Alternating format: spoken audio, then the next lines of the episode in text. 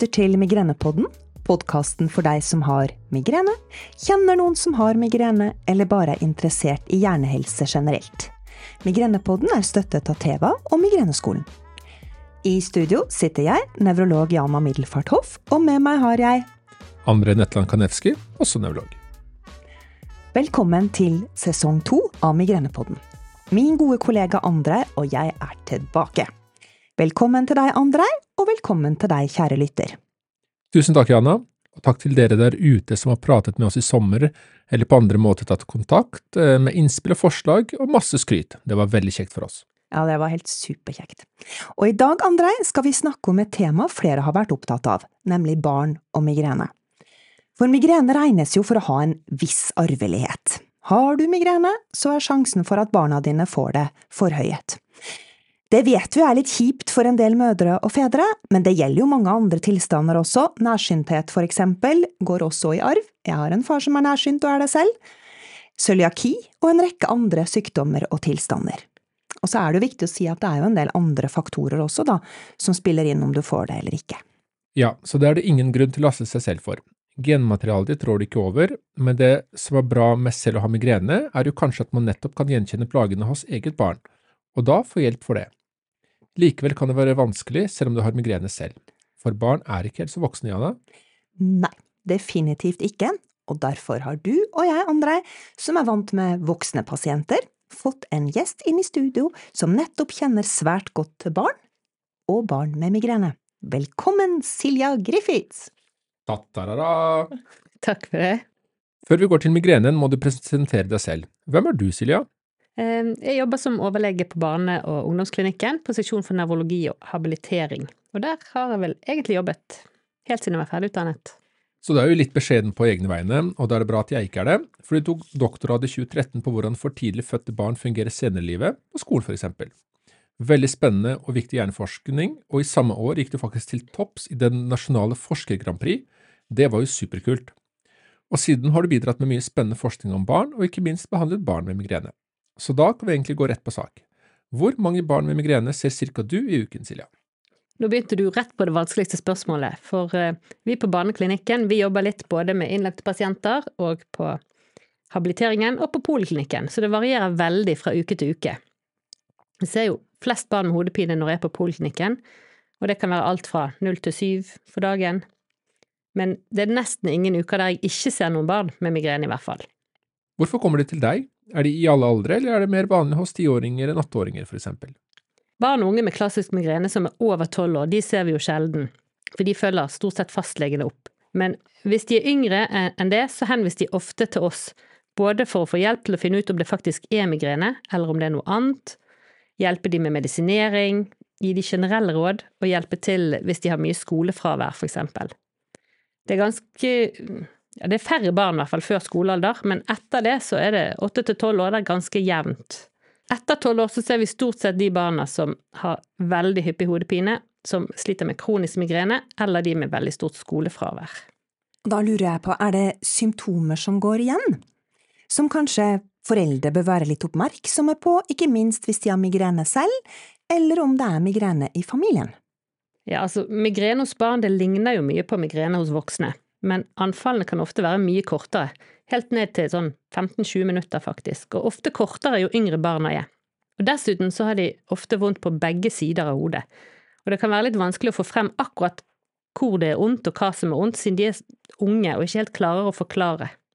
Noen foreldre de har også ganske klare formeninger selv om hvordan de tror barna har det, og da kan de lett styre samtalen litt, så jeg anbefaler å spørre barna litt åpent om hva det egentlig er de kjenner, for små barn de svarer kanskje bekreftende på noe som de ikke helt vet hva er. Og så har vi jo noen barn som eh, kommer med migrene i form av magesmerter, og det kan være litt vanskelig for familien å forstå om det egentlig er migrene. Dette med magemigrene det pleier å gå litt mer over til hodepinemigrene etter hvert som de blir eldre.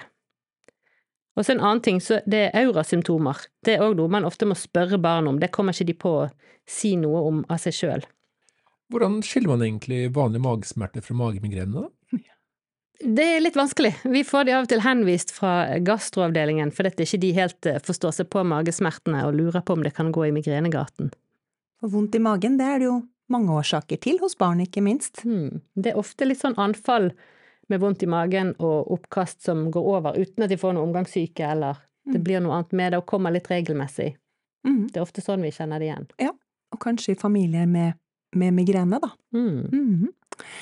Ja, for det er jo litt sånn, vi snakket om at barn er ikke voksne, og voksne er ikke barn. Og for voksne så pleier vi å si at den beste behandlingen for migrene, det er liksom litt av alt. Det vil si litt medisiner, litt tilpasning av hvordan man lever livet sitt, og litt livsstilsfaktorer.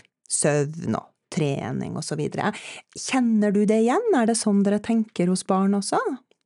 Ja, det er jo egentlig det. Ehm, vi pleier alltid å begynne med å gå gjennom litt sånn generelle livsstilsråd for å prøve å begrense hodepinen. Det er liksom første startpunkt. Eh, For det er jo egentlig det samme som hos voksne. Men så blir det litt annerledes likevel, for barnet er så avhengig av å få hjelp til å legge til rette for å klare å følge disse rådene. For eksempel så sier vi alltid at det er viktig å spise frokost, eh, ha jevne måltider og drikke nok gjennom dagen. Disse tingene trenger barn hjelp til å få gjennomført. Ta litt pauser i gamingen og spillingen eh, for å lufte hjernen litt. Det er det veldig mange barn som trenger litt hjelp til tilrettelegging for. Og så er jo søvn eksempel veldig viktig. Vi kan jo ikke bestemme om barna skal sove, eller når de skal sove, men vi kan hjelpe de å legge til rette og passe på at ikke de har mobil på rommet eksempel, og ikke spille hele natten. Så der er det ganske annerledes hos barna, da. Og så er det jo selvfølgelig lurt å være i aktivitet og bevegelse. Det er det vel egentlig for det aller meste, inkludert migrene. Eh, Men når de først er henvist til oss, så har de jo allerede snakket med fastlegen. Og da kommer vi nesten aldri utenfor eh, å prate litt om medisinering òg. Så jeg tror egentlig med migrene er litt sånn som hos voksne, det er lurt å angripe det litt fra alle kanter. Og se om du hjelper. Men da er det jo sånn at vi voksne, hvis vi har barn med migrene, så må kanskje vi være litt gode rolleforbilder også? Det tror jeg er veldig lurt. Ja. det er kanskje litt annerledes enn hos voksne, det òg. Vi skal snakke litt mer om hva du som forelder kan gjøre hvis du mistenker at ditt barn har migrene. Men før det må vi ha et lite avbrekk med spalten vår om migrene. Ting du ikke visste. Hva vil du dele med oss i dag, Jana? I dag har jeg kalt spalten Migrene ting du ikke visste årstidsmigrene. For det er jo høst utenfor vinduet vårt i dag, Andra og Silja. Eh, Det er storm her i Bergen, og regnet øser ned, og det gjør jo noe med oss når årstidene skifter fra lys til mørkt, fra sol til regn. Eh, ja, I Bergen så er det vel regn ganske gjennom hele året, så men ja, ok. Eh, uansett. Men visste dere, Silja og andre, at eh, skiftende årstider også påvirker migrenen din? Det er faktisk en forsker, Cynthia Arman, som har tatt for seg akkurat dette temaet, eh, og som har blitt gjengitt på den amerikanske migreneforeningen sine nettsider. De er opptatt av dette her. Og hun har sett på generelle faktorer og gått systematisk gjennom det som kjennetegner hver årstid. Altså sånn, I prinsippet da, så vet vi jo alle sammen at dessverre så er vi inne i en fase hvor kanskje årstidene endrer seg. Men sånn i utgangspunktet, og i hvert fall sett hvordan ulike årstider kan påvirke folks migrene. Ok, la oss ta det første først. Hvorfor påvirker skiftet av vær eller årstid hvordan migrenen arter seg? Det virker som om lufttrykk er et stikkord her, sier forskeren. Eh, Vi har jo alle luftfylte hulrom i hodeskallen vår, det som kalles bihuler f.eks. Eh, og så er det flere årsaker til det. Antagelig så hadde ellers skallen vår, kraniet som passer på hjernen vårt, vært kjempetungt. Eh, og da hadde vi ikke klart å bære det, men det er også andre årsaker i tillegg. Men i hvert fall, vanligvis er det sånn at trykket i lufta ute og trykket i disse hulrommene i skallen vår skal være i noenlunde likevekt. Men hvis da trykket øker eller synker eh, med raske værskiftninger, så forrykkes likevekten, og det kan faktisk trigge migrene. At det rett og slett blir en trykkforskjell mellom det trykket som er i hulrommene inni skallen din, og det trykket som er utendørs. Og raske endringer i temperatur ser også ut til å være ugreit. Dette var spennende. Er det kanskje sånn at det er bedre å bo i Bergen, siden det er 11 grader og regn her uansett hvilken årstid det er? Men hvis vi skal snakke om de forskjellige årstidene, hva hvis du velger en årstid, Silja? Da velger jeg høst. Ja, og da blir det jo ofte kjøligere, og lufttrykket endres, i hvert fall i prinsippet. Eh, Og da gjør også forskerne oss oppmerksom på at kortere dager faktisk kan virke inn på en annen ting vi har snakka om her i Migrenepodden, nemlig søvn. For det første så er jo mange litt ute og kjører med søvnrytmen etter sommerferien, og kanskje sliter du også å komme deg opp på mørkere morgener, eller det blir litt mer kaffe på ettermiddagen når mørket siger på. Endret søvnrytme kan i hvert fall forverre migrenen, så trikset her er å holde på sommerens døgnrytme, altså den du hadde før du gikk ut i ferie, og stå opp og legge seg i samme tid. Eh, kanskje du har noen tips her, Silja? Vi har jo snakket om voksne og forbilder, men, men hvordan jager man barn i seng? Det var heller ikke så veldig lett spørsmål. Eh, det er ganske stor og ganske vanlig utfordring å, å få de til å gå og legge seg, men når de har hatt mye hodepineplager over tid, så er det forbausende mange av de som er flinke til å passe på sjøl eh, at de må få nok søvn. Mm. Jeg syns av og til det sklir litt ut hos tenåringene, er det det du også ser? Ja, ja. det er jo det. Det er vel eh, mm. Skal protestere litt, da. Ja. Hva skjer om vinteren da, når dagene blir enda kortere? Ja, det kommer igjen tydeligvis på hvor du bor, da, på den vinteren du opplever, tenker jeg, men uh, Forhåpentligvis har du da liksom fått den gode søvnrytmen inn, du har liksom kommet deg etter sommerferiens uregelmessighet, og du har klart å kompensere for høstmørket, men det som faktisk nevnes som et hovedproblem, er det at inneklimaet er tørt om vinteren. Vi er jo ofte mye mer inne om vinteren enn vi er resten av året, og at man rett og slett kan bli litt dehydrert, men at man ikke merker det før hodepinen slår inn. Ja, så egentlig drikke en del vann på vinteren også, da. Mm. Men på våren, da? Det er kanskje den vanskeligste årstiden å se sammenheng med migrene? Ja, det, det tenkte jeg òg, men eh, det hun sier da, er at dette her med hyppige skift mellom sol og regn påvirker lufttrykket. Eh, og så kommer hun med en veldig viktig faktor som vi kanskje ikke har tenkt på sånn umiddelbart, og det er dette her med, med allergier. Altså høysnue kommer jo ofte inn, og er du tett av høysnue i bihulene for eksempel, og i nesen og sånn, så ser det også ut til å kunne være en provoserende faktor for migrene. Så det er lurt å ta tak i høysnue og allergi hos barn og hos voksne som er plaget av migrene. Da er det bare sommeren vi ikke har snakket om, og den eh, er jo det mange som liker best. Er den også best for de med migrene? Eh, nei. ja. Den er nok kanskje litt bedre, kan vi jo håpe på, og sommer liker jo de fleste av oss. Uh, så igjen så tenker jeg jo at uh, vi er jo bergensbasert og vet at uh, det finnes jo fine somre her òg, men dette med veldig varme somre som vi svetter mye i, er kanskje ikke hovedregelen, men det kan være et problem andre steder. For mm. svetter man mye, så blir man lettere dehydrert, og det er viktig igjen å merke seg, ikke minst for barn, tenker jeg, Silje. Ja, vi, vi, har en del barn som er verre i sommerferien, og det er jo kjedelig, for de har jo ofte gledet seg veldig til hvor fint de skal ha det på ferie, og har mange planer. Ja. Så drikke mye i ferien for barn er viktig. Mm.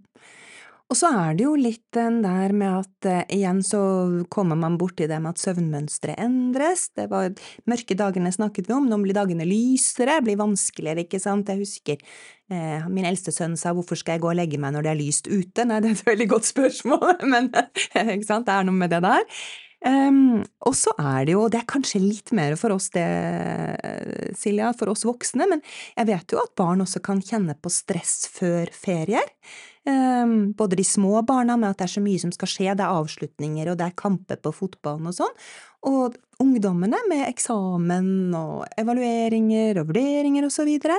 Og da ser vi jo av og til at har du stresset som en gal før du endelig skal såkalt slappe av i ferien, så kommer migrenen i ferien. Høres det kjent ut? Det ser vi hos barn òg. Er liksom, for det er jo positivt stress like mye som ting de gruer seg til. Mm, mm. Og da er vi egentlig tilbake til det som vi har tatt opp i episodene før her, Andrej, at migrenehjerner de liker best den der jevne action, de liker ikke den der berg-og-dal-banen. Men det er jo lettere sagt enn gjort. Livet er jo ikke en jevn strøm av um, inntrykk. og uh, man opplever jo også konfirmasjoner, influensaer, barn som blir syke, akutt overtid på jobb og eh, masse andre rare greier. Ja, det er jo sånn livet er. Og vi må jo eh, sette mennesker med migrene eh, i stand til å mestre det også. Så det er jo det vi prøver litt med Migrenepodden, å gi verktøy til deg der ute som har migrene, med hvordan du kan føle at du at du kan leve livet ditt selv om du har migrene. Og i dag så har vi jo Silje her som gjest, som også skal hjelpe oss litt med hva du kan gjøre hvis ditt barn har migrene. Da kan vi egentlig gå tilbake til barn og migrene, Silja. Hvis du har migrene selv, eller vet det er migrene i familien, og så lurer du på om barnet ditt også har fått det, hva gjør du da? Eh, jeg ville nok begynt med å spørre barnet uten å bruke altfor mange vanskelige ord. Og så er det jo litt viktig å høre på det de faktisk svarer, for mange barn, og spesielt yngre barn, de slutter å fortelle at de har vondt hvis de aldri får noen reaksjon når de forteller det. Og så gjelder det òg å finne en passelig reaksjon, selvfølgelig, ikke overdrive det, for da blir de jo redde. Så det er jo ikke alltid så veldig lett å være foreldre. Nei. Men hvis vi skal komme med noen forslag til hva eksempler man kan bruke, eller hva jeg ofte spør barna om, da, så er det hvor de har vondt, og om de kan peke på der det er vondt. Eh, og om hva, hva, pleier de å gjøre når de får hodepine, er det noe som hjelper? Eh, så spør jeg ofte om de syns at det er vondt med skarpt lys og bråk når de har vondt i hodet. Og så er det lov til å spørre dem om de blir kvalm eller får vondt i magen samtidig. Og hva hvis, hvis barnet er mye plaget i hverdagen, da? Eh, hva, hva gjør man da? Da, da, vil jeg anbefale å kontakte fastlegen i første omgang, for de er jo de er ofte veldig allsidige, veldig flinke og kan hjelpe å finne ut om det er noe farlig, noe man trenger å bekymre seg for, eller ikke. Mm. Som, mm. som, oftest er ja. det jo ikke det. Nei, og det er jo viktig å si at som oftest er det ikke det, men at er du usikker som foreldre, så er fastlegen et godt sted å starte. Vil du mm. ikke si det? Ja. Absolutt. Hva er det som er lurt å gjøre da før eh, et barn kommer til deg eller til fastlegen? Bør de føre anfallsdagbok, sånn som for voksne? Eh, notere når anfallene kommer, hvordan de er, for eksempel? Anfallsdagbok er kjempelurt og veldig nyttig, både egentlig for foreldre og barn og oss helsepersonell. For det, vi tror jo veldig ofte at vi klarer å huske hvor ofte man har anfall og hvor lenge det varer, og de fleste av oss klarer ikke det. Og jeg, jeg syns jo det er den delen barna er aller dårligst på. Jeg kan spørre dem om veldig mye, men de er ikke gode på å si hvor ofte de har hodepine. Der kan du få helt ville svar. Og det er jo en veldig viktig ting både for fastlegen og for oss å vite når vi skal finne ut hvilken behandling vi skal tenke på å starte. Og så er det ofte vanskelig, syns jeg, å spørre hvor vondt har du nå? Jeg husker jo at eh, jeg spurte den ene sønnen min som, som har migrene, det har de nå begge to, men hvor vondt har du nå? Og så drev jeg med sånn fra en skala til fra én til ti. Og det endte med at når han hadde hodepine, og jeg sa hvor vondt har du nå, så brølte han ikke skala! Ikke skala! Han syntes det var det kjipeste. Jeg satt og sa sånn har du fem, eller har du sju? Ja, så det, sånn kan det gå. Så det er det der med å vite hvordan du skal spørre og sant, ja, som foreldre. Og, mm. Det er mange foreldre som kommer og forteller 'akkurat nå har han fem'. Ja. Så. Men når foreldrene kommer til deg med et barn som har hodepine, hvilke forventninger har de til eh, hva du kan gjøre og behandling og fremtiden? Jeg tror De aller fleste som kommer, vil jo helst ha en beroligelse på at ikke det høres ut som noe farlig. Jeg tror det er det aller viktigste. Og så um, er det jo mange som har vært innom tanken at det kan være migrene og litt om det. Så jeg syns det er kjempeflott at det er fokus på, på migrene her, og på at det faktisk òg finnes hos barn. For de yngste barna, de tar det jo litt tid før vi finner det ut. Noen ganger så eh, ser vi på historien, når vi ser tilbake, at de egentlig har hatt migrene langt ned i barnehagealder, men det var ingen som skjønte at det var det det var. Og så klarer de jo ikke å si sjøl hva det er som, eh, som plager de. Det er mye nyttig å ta med seg her. Er det noe annet du har på hjertet og vil dele med oss og lytterne, Silje? Nei, um, jeg syns det, det, viktigste er det der å spørre barna litt uten å lede de for mye til akkurat hva de skal si, mm. og gjerne få de til altså peke eller sånn på, eh, på hvor de har vondt. Og så mm. kan man kontakte lege hvis man finner ut at det er, det er nødvendig. Kontakte fastlegen. Og så Det er alltid viktig at barna føler at de blir hørt. Ja. Kjempeviktig. Det betyr ikke alltid at de skal ha medisin. Men, uh, Men, at det ble tatt uh, At noen bryr seg om det. Sant? Det ble tatt på alvor. Ja, klart det. Mm. Vi er jo sånn, vi òg. Andre, du lurte på noe? Jeg lurer på en ting til, Silja. Det er jo en del sånne barnesykdommer som man kan vokse av seg, eh, som blir bedre etter hvert som man eh, blir eldre og voksen. Eh, kan man på noen som helst måte vokse en barnemigrene av seg? Ja, heldigvis. Det kan man jo. Det er en god del som har migrene og mye hodepineplager, og så går det over i puberteten, for eksempel, eller når de blir eldre. Og så er det noen som er motsatt de er fine før, og så blir de mye verre når de kommer på den alderen. Mm. Men det, nå er det positivt med å være barn at det er mye lettere å vokse av seg ting enn for voksne. det det syns jeg var veldig fint. Det, Ja. Det var en veldig god sluttreplikk, André, syns jeg. Ehm, Så jeg tenker at eh, vi har lært masse her i dag. Mm. Mm. Så um, da takker vi for at du kom, Silja, og eh, takk til dere som hørte på oss. Vi har eh, lært at som regel er det ikke farlig, men at det er viktig å lytte til sitt eget barn, og det er viktig å oppsøke fastlege først, hvis dette her er plagsomt i hverdagen. Stemmer det som noenlunde? Det høres ut som en god oppsummering. Supert. Tusen takk. Takk, Silja. Og for deg som lytter, så kommer det også flere spennende temaer fremover, så følg med.